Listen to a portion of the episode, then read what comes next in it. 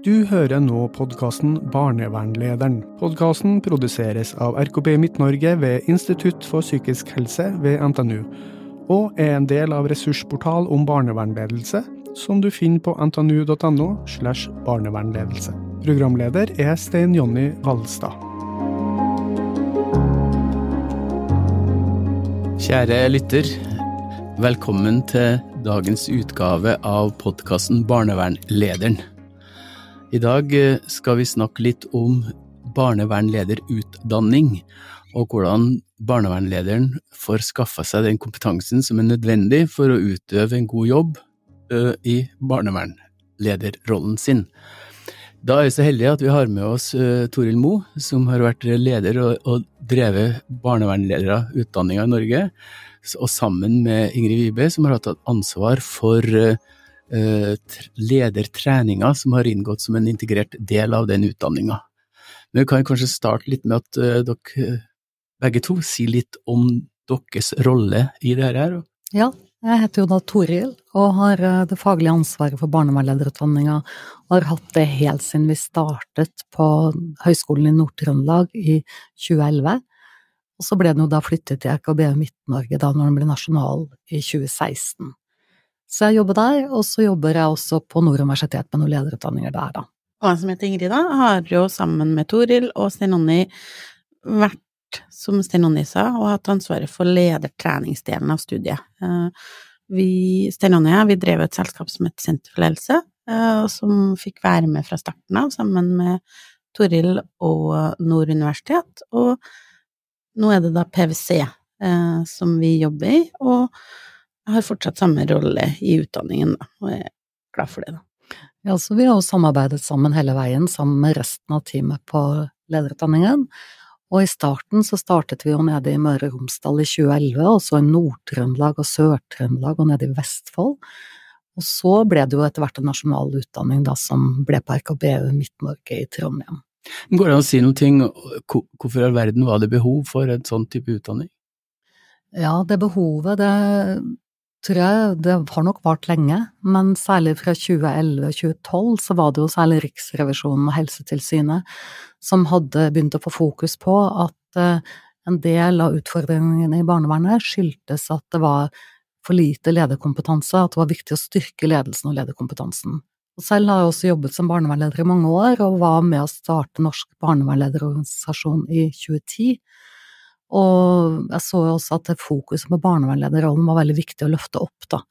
Mange som følte seg ensomme i rollen, og at det var en rolle som kanskje ikke ble verdsagt nok, og man ikke fikk nok um, verken støtte eller um, hjelp i forhold til å utføre jobben godt nok, da. Så den kompetanseutviklingen har Det har vært fokus på det hele veien, men det startet vel egentlig da i 2011-2012 med mm. et altså at statlige myndigheter også ble veldig opptatt av barnevernledelse som et fagfelt.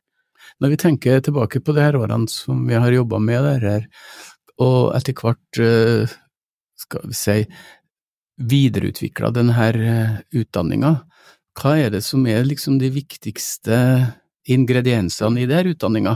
Hvis jeg skal begynne litt, altså når vi starta med det her, så var vi opptatt av at det skulle være en helhetlig opplæring og utvikling for barnevernslederne. Vi så jo i, i, det vi så som de hadde vært med på før, så hadde det jo mye prega av at man skulle lære dem opp i barnevern, men så er det den her ledelsesdelen da, som vi syns at man ikke helt hadde fått til, særlig på treningsdelen. Så vi drev og snakka om en sånn Mercedes-utdanning, husker jeg, som mm. da var en sånn tanke der vi Eh, tok den her utviklingsdelen veldig, da. Og det, det, er jo på en måte takket være både Bufdir og Nord og RKBU som også har satsa veldig på en måte og gjort det her ordentlig grundig.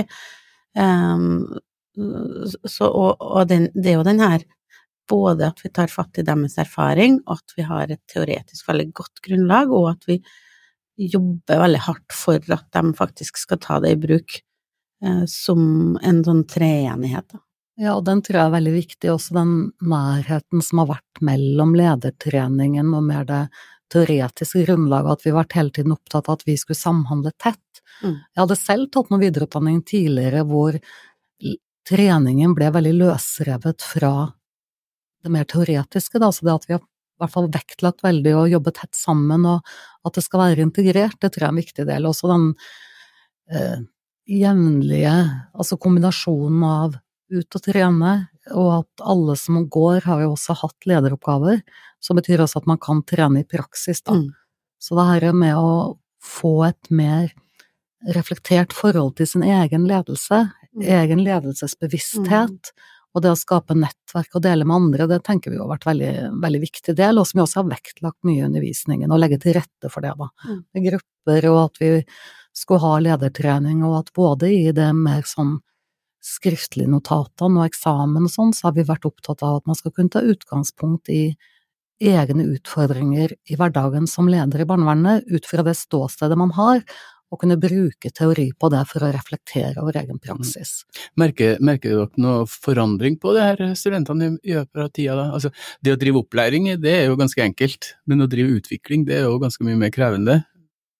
Jeg, synes syns jo det at at nivået er høyere enn det det var. Så jeg tenker jo de barnevernslederne vi får inn i dag, de kan ha, har en annen grunnkompetanse også på ledelse enn dem jeg syns vi møtte i 2011. Så jeg tror jo um, at interessen for ledelse er større. Jeg tror jo at uh, kommunene har jobba en del med utvikling, men, men, men den her faktiske treninga på barnevernsledelse som jeg tror vi gir dem, der tror jeg at uh, det fortsatt er et veldig stort behov, da. Så jeg, jeg tror at behovet for denne treenheten er, er like stor, selv om kanskje at ganske mange av dem har en annen type lederutvikling når de går inn, da. Ja, det tror jeg er helt rett, og det var nok enda flere når vi startet i 2011 som bare hadde liksom falt inn i lederstillingen. Altså var saksbehandler den ene dagen og leder den andre dagen. Jeg ser når vi spør om det, det er fortsatt noen som plutselig blir leder, men det var enda flere i 2011-2012. Så jeg opplever vel mer at det kanskje er et mer bevisst valg, at man ønsker å Mm. satse på ledelse, og selv om det var mye fokus på ledelse fra Riksrevisjonen og Fylkesmannen og sånn i 2011 og 2012, og Helsetilsynet, så ble det fort mer fokus på selve det barnevernfaglige, mens nå er jo veldig fokus på ledelse igjen, da, og ikke minst det med strategisk arbeid, det med å jobbe tverrfaglig, det med å samhandle har også fått en helt annet eh, fokus fra statlige myndigheter. Så jeg tror det også er viktig i forhold til det du sier, og også det politiske perspektivet tror jeg er blitt veldig styrket hos barnevernlederne, da. Hva tenker du på med det politiske perspektivet? Ja, det er et godt spørsmål, Stein Janne, for det, det har vi jo snakket mye om, men det var veldig sånn uvant for mange. Det husker jeg var veldig uvant for meg da jeg startet jo som barnevernleder, jobbet, jobbe som barnevernleder i mange år selv. Og det var veldig uvant i starten, altså det å forholde seg til det politiske nivået, da, altså kommuneledelse, politisk ledelse, et annet type språk, en annen måte egentlig å tenke på, som eh, en annen type måte å argumentere på, som man kan Hvis man er uvant med det, så kan du jo komme med en faglig argumentasjon, og så skjønner du liksom ikke helt hvorfor ikke du blir møtt, men da får du liksom ikke til å kommunisere på det språket som snakkes, da. Så det her å ha perspektivet at i det politiske perspektivet så er det interessemotsetninger, man har en forståelse for at det er ulike interessenter, og at eh, det er fint å ha konfliktnivået lavest mulig og en god kommunikasjon, men samtidig så er det på en måte legitimt av ulike interesser. Så det tror jeg at for veldig mange av vi ser de som begynner nå, så er denne forståelsen av at interessentene til barnevernet, altså barn, familie, andre samarbeidspartnere, statsforvalter, altså at man har litt ulike roller, Mm. og selv om kanskje, selv om nesten alltid alle vil barnets beste, så kan man ha et veldig ulikt utgangspunkt på hva man tenker er barnets beste, fordi man står på ulikt ståsted. Mm. Og den forståelsen av eh, interessentene og deres ulike posisjon, den opplever jeg at veldig mange har en helt annen forståelse av nå, og det er også en mye større forståelse av betydningen av å jobbe mer strategisk.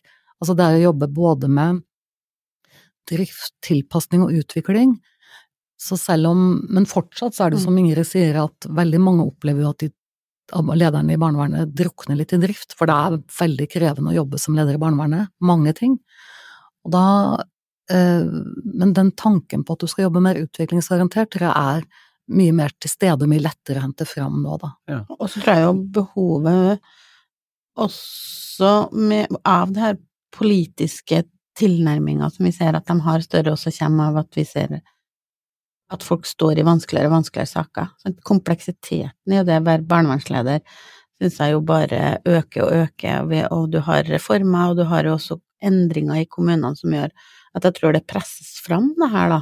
At de er nødt til å se det politiske landskapet og nettverket og kompleksiteten på en annen måte. Men jeg tror òg allikevel at uh, de her rammene og den her tilnærminga som vi har fortsatt gjelder, og det er behov for i, i å, å, å, å, få et annet perspektiv på denne kompleksiteten som de står i.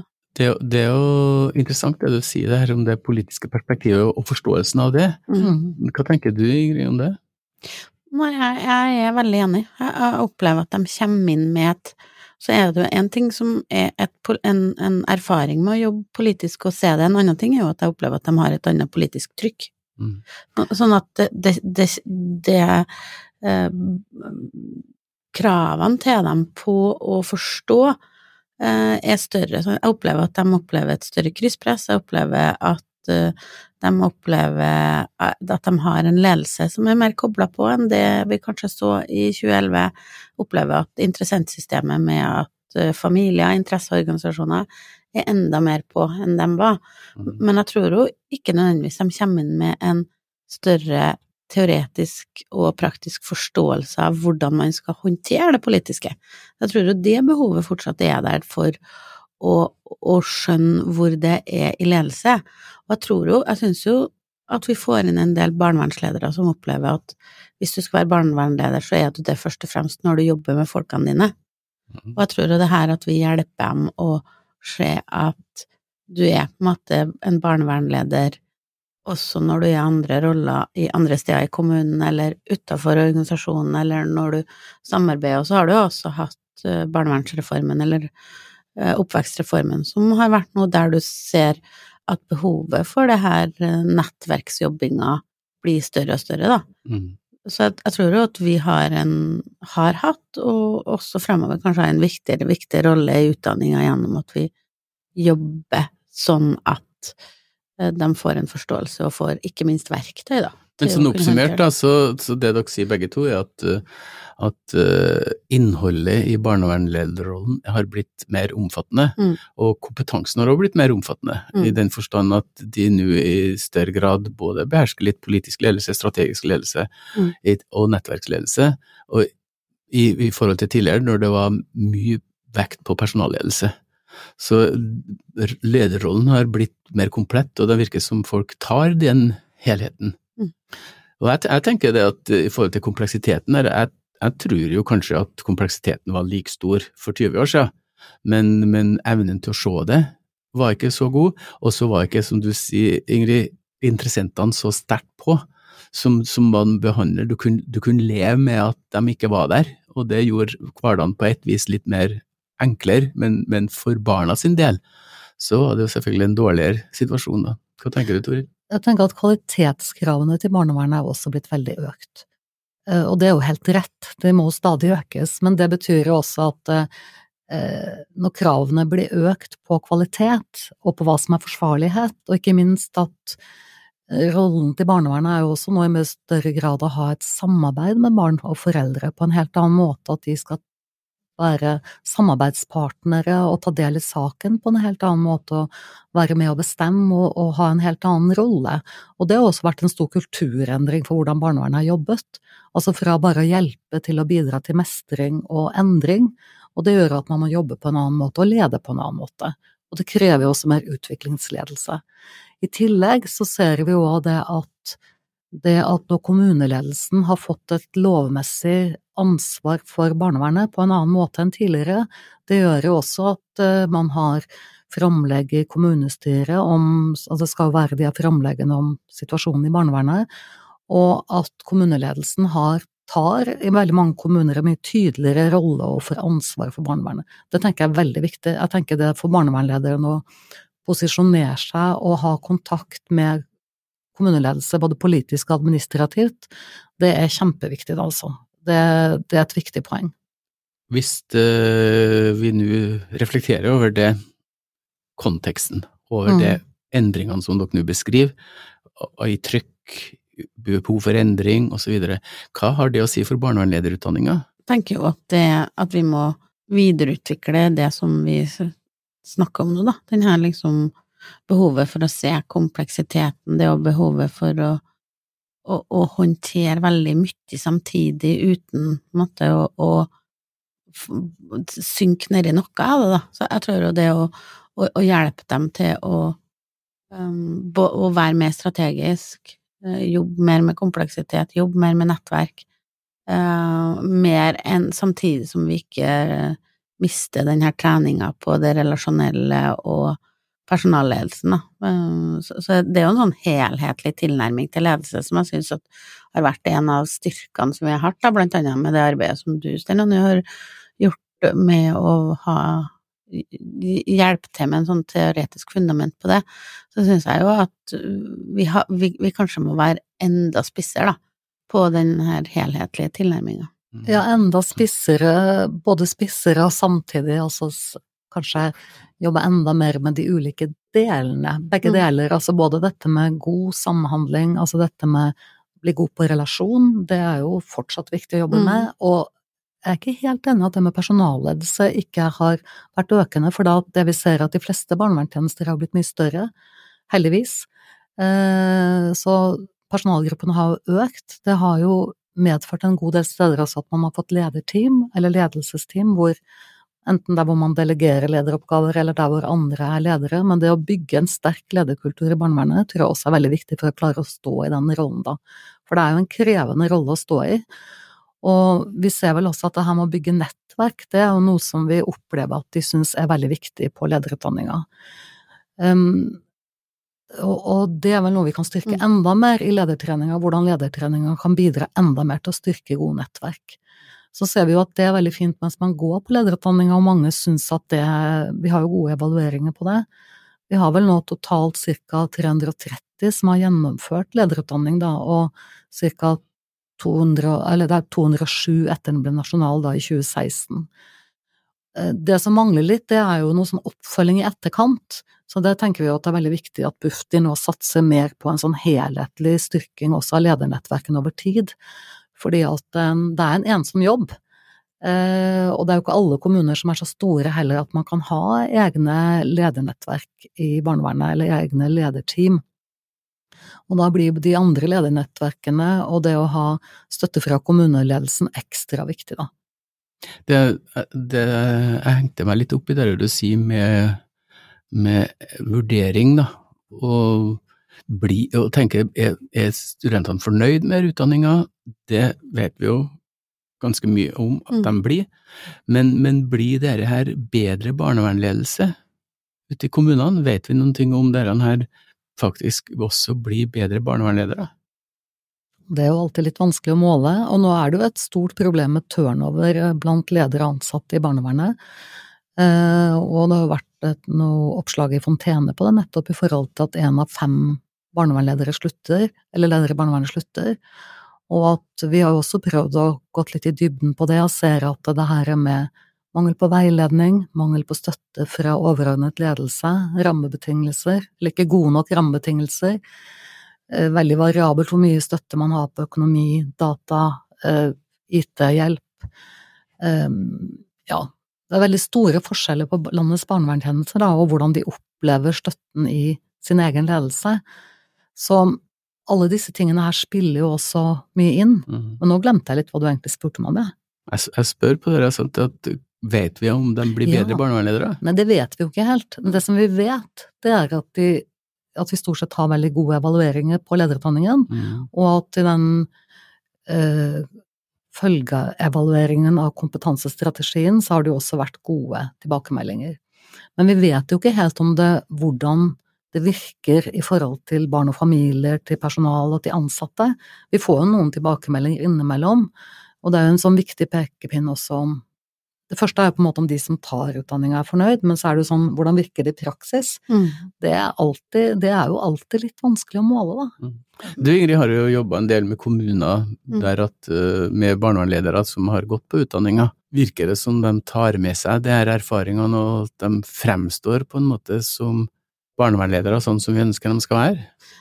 Jeg, tror, jeg tror jo det i hvert fall det må gå an å si at vi, vi opplever en trend med det, da. Sant?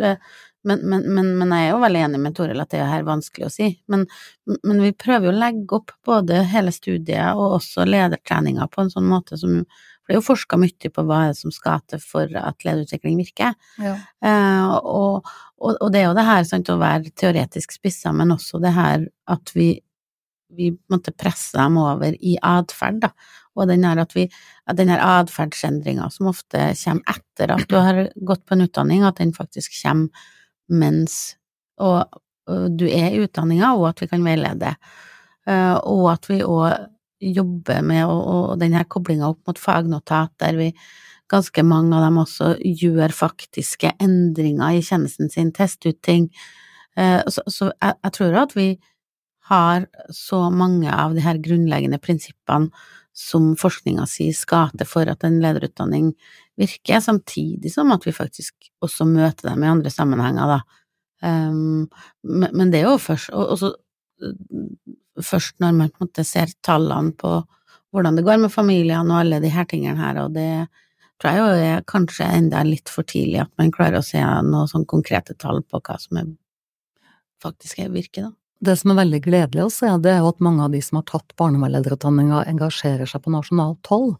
Altså veldig mange av de som sitter og styrer Norsk barnevernlederorganisasjon, har barnevernlederutdanninga, og vi ser jo også at mange at vi spiller inn til Bufdir og sånn i forhold til råd og utvalg, og det syns jeg er veldig gledelig å se, mm. for et viktig mål med barnevernlederutdanninga er jo at ledere i barnevernet skal bli autoriteter på barnevernets samfunnsoppdrag, og at de også skal kunne fronte det i andre sammenhenger, og at de skal kunne være med på å påvirke fagfeltet. Og derfor så tenker jeg det at det at ledere slutter i barnevernet, altså når det blir stor turnover, så er det selvfølgelig uheldig. Men samtidig, altså det er fint at ledere i barnevernet også blir oppvekstsjefer, kommunalsjefer, engasjerer seg i politikk, engasjerer seg i forskning og utvikling. For det er viktig at deres stemme og den kompetansen også kommer inn i styrende organer. Så det er ikke sånn at all, at all turnover er uheldig, det er avhengig av hva man går til og, og hvordan det hvordan det arter seg, for å si det sånn, da. Så det syns jeg også er et viktig poeng, og det syns jeg er veldig sånn, akkurat det syns jeg er veldig gledelig å se. Og det store engasjementet som, som mange har på lederutdanninga hos oss. Altså, vi er jo privilegert når vi jobber med grupper som har lyst til å komme, som prioriterer å komme, og som har et sånt engasjement, da. Mm. mm. Og så ja.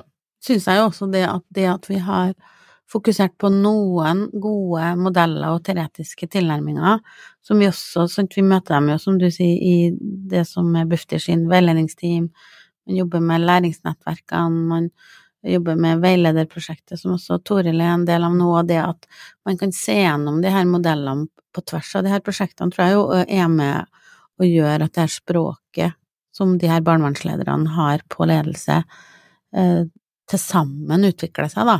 Uh, og, og, det syns jeg jo vi ser effekt av, og at man har De må ta, jobbe på en annen måte, litt uavhengig av prosjekt og problemstillinger. Jeg tenkte også bli litt mer konkret igjen på mm. det med ledertreninga. Mm. Hva, er, hva er, utfordringene med å trene opp dette her til ledere? Det er jo mye av det vi har snakka om allerede, men, men, det er jo det at uh, de er jo faget og barnevern Barnevernet ligger jo på en måte deres hjerte forferdelig nærme, så det å få både få dem til å være konkret nok på det små, på det helt konkrete, men også få dem til å være strategisk nok når de skal bevege sin egen ledelse, det er jo komplisert. Og så tror jeg jo også at det er det at vi har dem på samlinga, og så går barnevernslederen tilbake og i en hverdag som er forferdelig travel. Så det å få dem også gjennom studiet til å ha nok fokus, det å faktisk trene, det å bruke nok tid, og det, det prøver vi å bruke en del tid på på de første samlingene, på at det her må du faktisk gi dem muligheten til å sette av tid. Men, men det er jo, vi, vi kjører jo barnevern, lederutvikling for, på tvers av veldig mange fag og i store deler av det offentlige Norge, og, og barnevernslederen er jo noen av den som det er vanskeligst å ha ned på stolen. Eh, og som liksom har mulighet til å både ha tid til å ha rom. Eh, i, i, det er mye mer trykk, tenker jeg da, på en barnevernsleder enn på en ganske mange andre ledere. Altså det at de har mulighet til å lese nok, til å trene nok, til å utvikle seg nok, til å sette av nok tid, fordi at eh, det å endre seg på atferd, det er jo benhardt arbeid. Eh, og jeg, jeg, tenker nok at det er en av utfordringene, særlig med barnevernslederne, at det å ta seg av tida nok, det å ta det alvorlig nok, det å skjønne hvor eh, vanskelig det er. Så jeg, jeg syns jo noen ganger at vi bruker litt for lang tid på å få til det som vi gjør, fordi at de står i så mye, da. Ja, for de får trent nok på de konkrete ledertreningsoppgavene de har, som går på samtale med medarbeidere, som går på det å lede team, skygge en annen leder, altså det å jobbe med daglige lederutfordringer, så de får jo trent masse på det. Men som Ingrid sier, så er det jo noe med at for at du skal kunne få reflektert nok om det, så må du jo kanskje ha noe verktøy, du må kunne ha litt tid til å forberede deg i forkant, du må ha tid til å reflektere over det i etterkant, og gjerne også bruke teori på det. For det er klart at eh, vi har sett mange ganger at eh, teorien, det, altså det å forstå og kunne analysere egen situasjon, eh, hvor er barnevernet i kommunen, hvor er man i hjelpesystemet, når Altså hvor skal man sette inn innsatsen hen, er det på er det kultur man skal jobbe med, er det overordnet ledelse, er det mer selve det faglige, altså det å på en måte kunne analysere og forstå de ulike delene av, av det som er, inngår i barnevernledelsen og oppgavene til barnevernet, det tenker jeg er mm. veldig viktig å trene konkret på, da. Altså både med ledertreninga, men jeg tenker også det er viktig at dette med fagnotat eller oppgaver som blir skrevet, er knyttet tett opp mot egen praksis, for eksempel hvis du skal jobbe med ny teamorganisering, hvordan kan du tenke også teoretisk rundt det, samtidig som at du løser et praksisproblem. Så det er med å tenke teori og praksis sammen, og det tror jeg stadig vi kan utvikle oss og bli bedre på, da. Det, det blir man aldri for god på, tror jeg, man må alltid jobbe videre på det, da.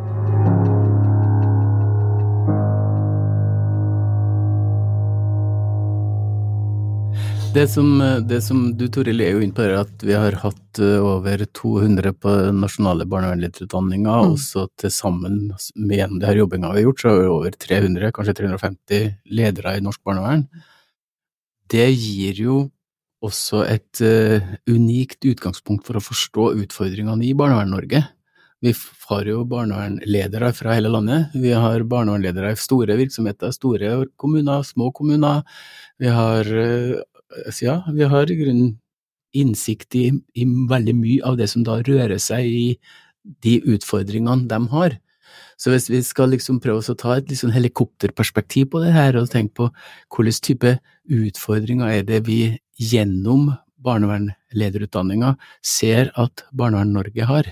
Det er jo et stort spørsmål, da. Og det er et stort spørsmål. Og det, det, det, det er selvfølgelig det å kunne gi og bidra til et godt barnevern å gi godt barnevern, det er jo selvfølgelig det hovedutfordringa, men sånn vi skal konkretisere det, så går det særlig kanskje på det her med å balansere forholdet mellom kontroll og læring, kontroll og refleksjon, altså hvordan også skal ledere sikre forsvarlighet i egen tjeneste på en sånn måte at eh, at ikke det bare blir sånn strukturkontroll, men at det også blir fokus på innhold, fokus på relasjon, hvordan man jobber godt med utvikling og bidra til mestring i de familiene man er i. Så den derre balansen mellom å få til en god internkontroll uten at alt bare blir opptatt av struktur, eh, og formaliteter og holde frister, altså hvordan skal man også Du kan jo holde alle fristene, men likevel ikke hjelpe de du skal hjelpe. Mm. Så det her med å ha fokuset også på denne kombinasjonen av struktur, innhold, relasjon, kultur og også det interessemotsetningene, altså ha alt ha hele det fokuset med, da. Mm. Det, og den utfordringen blir jo på en måte bare større for de som Stein Jonny du var inne på i sted, at det er kommet mange flere interessenter inn, og de har en annen sånn holdning til hvordan man skal bli hørt og få hjelp.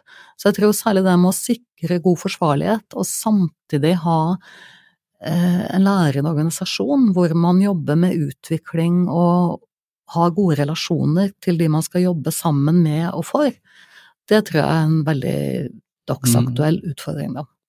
En annen Ja, Ingrid?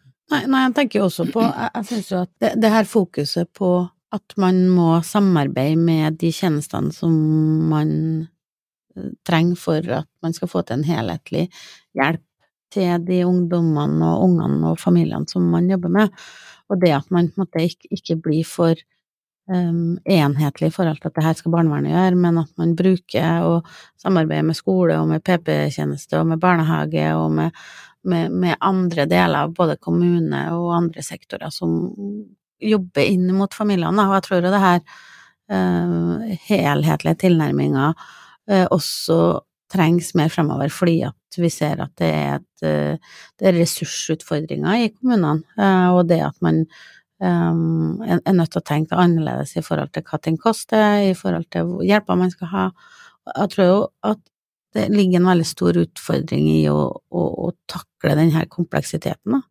Tillegg til at jeg syns at man ser at de snakker om at sakene blir eh, verre, i hvert fall i deler av Norge, at de står i, um, står i mye vanskeligere saker enn det man gjorde for noen år tilbake, da. Mm. Um, og, og, jeg tror jo at det her trykket, da, uh, også er større på mange av barnevernslederne. Um, Men det, det, som jeg syns vi skjer, ser, er jo der ulikheten i tilbud.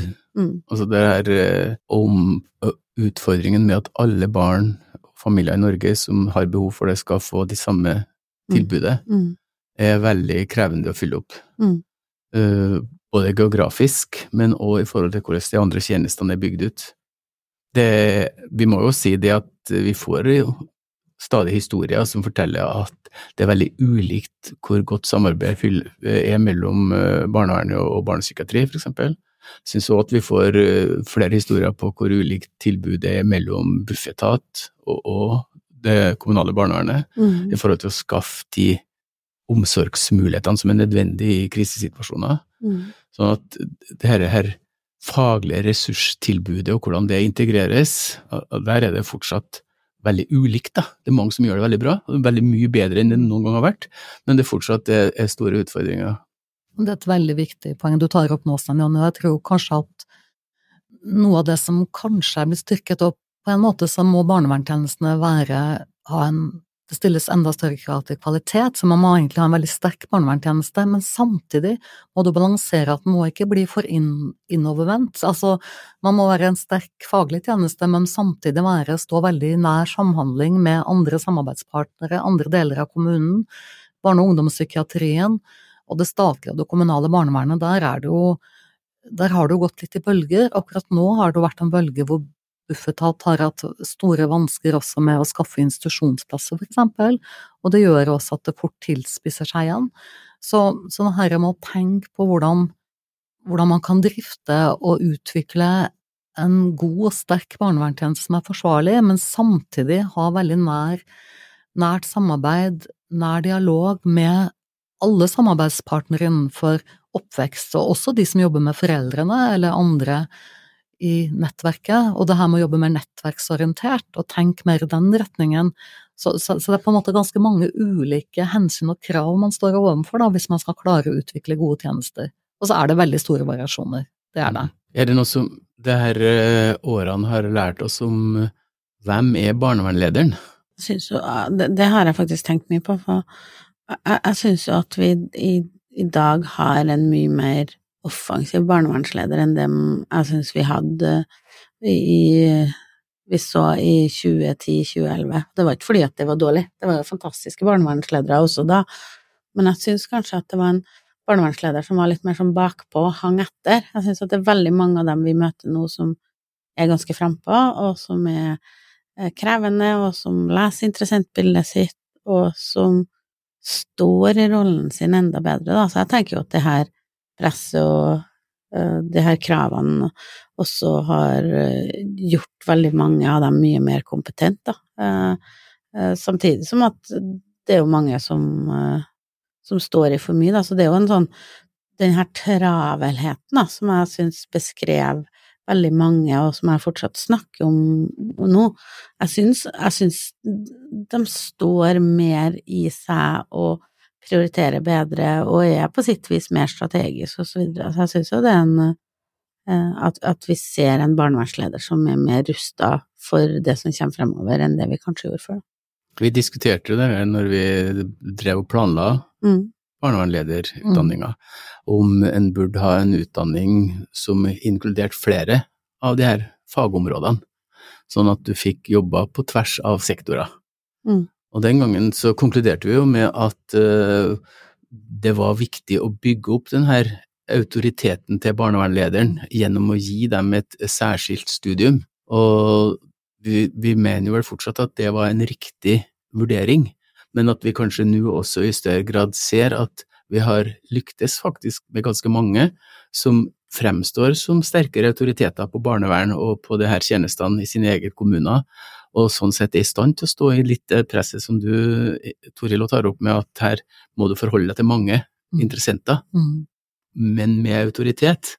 Jeg, jeg syns at vi har vært gjennom mange viktige temaer, og som ø, belyser litt av barnevernlederens sine utfordringer, men også hvor artig det må være å være barnevernleder, i forhold til den muligheten det gir deg til å hjelpe virkelig folk som trenger det, og som har glede av den jobben som barnevernet gjør. Det som jeg tenker på sånn avslutningsvis, er liksom hvordan blir ting fremover, og hvordan blir eventuelt barnevernledelsen også fremover. Og du Toril, du har jo vært med på å være hovedredaktør for ei bok om fremtidens barnevernledelse.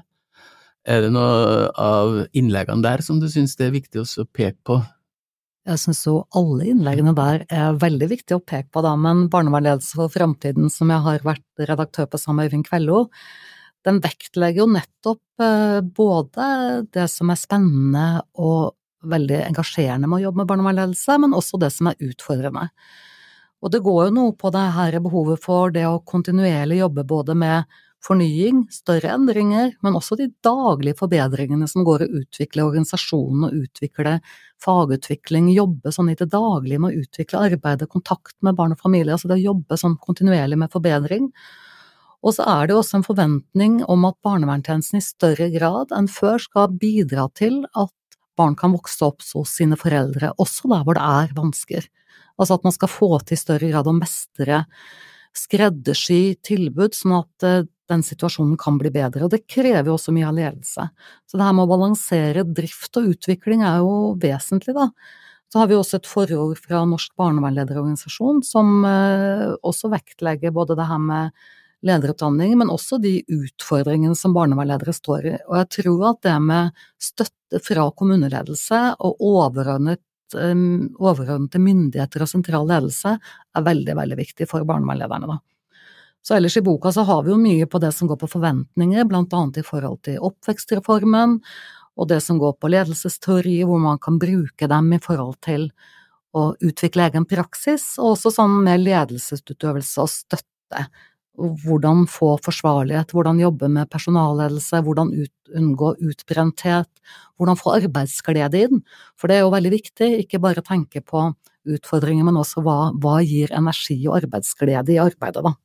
Du fikk, du, så du fikk på kort tid sagt veldig mye om uh, litt utfordringene videre, og så syns jeg du fikk drevet god reklame for denne boka, som alle sammen som jobber i barnevernet absolutt bør skaffe seg. Uh, sånn at, uh, fordi at det som du sier, det er masse innhold her, og, og som det for, tar for lang tid å gå gjennom grundig her i dag. Men de tingene du peker på nå, det syns jeg var viktige ting. Du, kanskje én ting til òg? Ja, en ting til som jeg ville si. Vi har også etablert et nasjonalt forskernettverk for barnevernledelse. Og det som jeg syns har vært veldig artig å se, da, det er at ja, for en del år tilbake var det ikke så stort engasjement forskningsmessig eller faglig sett for å skrive og engasjere seg i ledelsesfeltet, men nå er det noe helt annet, og det er så flott å se at det engasjementet for altså hvordan, altså hvis du jobber med beslutninger, hva har ledelse å si for beslutninger? Når du jobber med plasseringer, hva har ledelse å si for det? Og det er fokuset på organisasjon og ledelse, at det er blitt integrert på en helt annen måte, også i forhold til veiledning, altså hvordan kan du få ledelsen aktivt med i den. Så jeg synes det med å se ledelse, organisasjon og feltet mer sammen, Mm, det synes jeg er viktig og bra. Men Ingrid, du, du jobber jo i PwC til daglig, og jobber jo med ledelse i mange typer organisasjoner. Mm. Eh, Hva er det som skjer på ledelsesfeltet som også eh, utvikler seg andre plasser, som kan brukes til inspirasjon inn her? Det er jo særlig noe av det vi har snakka om allerede, som går på den her med kom, denne kompleksiteten. Eh, lederne står jo, de fleste ledere som vi møter, står jo i en mye mer kompleks verden nå i dag, bare for pre-covid eller for fem år tilbake. Og det å liksom sjonglere, håndtere, jobbe i nettverk, være fleksibel, bruke seg sjøl på en annen måte, da, og se de her, alle de her rollene på den ene sida, sånn, jobbe med strategi, den andre jobbe med personal, jobbe med eksterne interessenter, og det, og det å, å, ha en bevissthet rundt både egen stil og egen rolle i, i, i, de ulike rollene som man får, da, det syns jeg jo at vi, vi, ser en veldig sånn gjenklang inn også i den her barnevernsledelsen som vi ser at veldig mange andre også står i, da. Så, så jeg syns jo at vi treffer godt, sånn som vi har sydd sammen på de utfordringene som de står i, men kanskje at det fremover også at vi, etter hvert som vi fortsetter med både andre kull og flere år, at vi, at vi er nødt til å spisse enda mer opp imot det. Da. Mm. Ja, helt sånn avslutningsvis, eh, hva er det som gjør at dere eh, orker å stå i det her? For min del så har jeg jo jobbet veldig lenge i barnevernet selv som leder, og jeg skulle vel ønske at jeg hadde hatt noe av den kunnskapen som jeg har nå da. Fordi at når jeg fikk annen type lederutdanning og sånn, så så jeg en del ting som jeg ikke hadde sett før. Nei, så for min del så er det vel ikke helt si et kall, men, men, jeg er glødende opptatt av barnevernsfeltet og ledelse og utvikling av feltet. Eller det å skape bedre betingelser for barn og unge, og for de som er mer utsatt og på en måte tenke, Aldri glemme mandatet, da. Det syns jeg, jeg, er veldig viktig. At man aldri glemmer hvorfor man skal ha et barnevern. Det er jo ikke fordi at man skal ha masse sånn system og rutiner og sånn, men det er jo for at man skal hjelpe og bidra til at barn og unge får en bedre oppvekst, og det syns jeg er viktig å alltid ha i fokus og det engasjerer meg, da. Mm. Jeg tenker at jeg kan sette to strek under det som Toril sier, for jeg tror jo det Og jeg tror jo kanskje det er noe av det som har gjort at dette har vært så bra.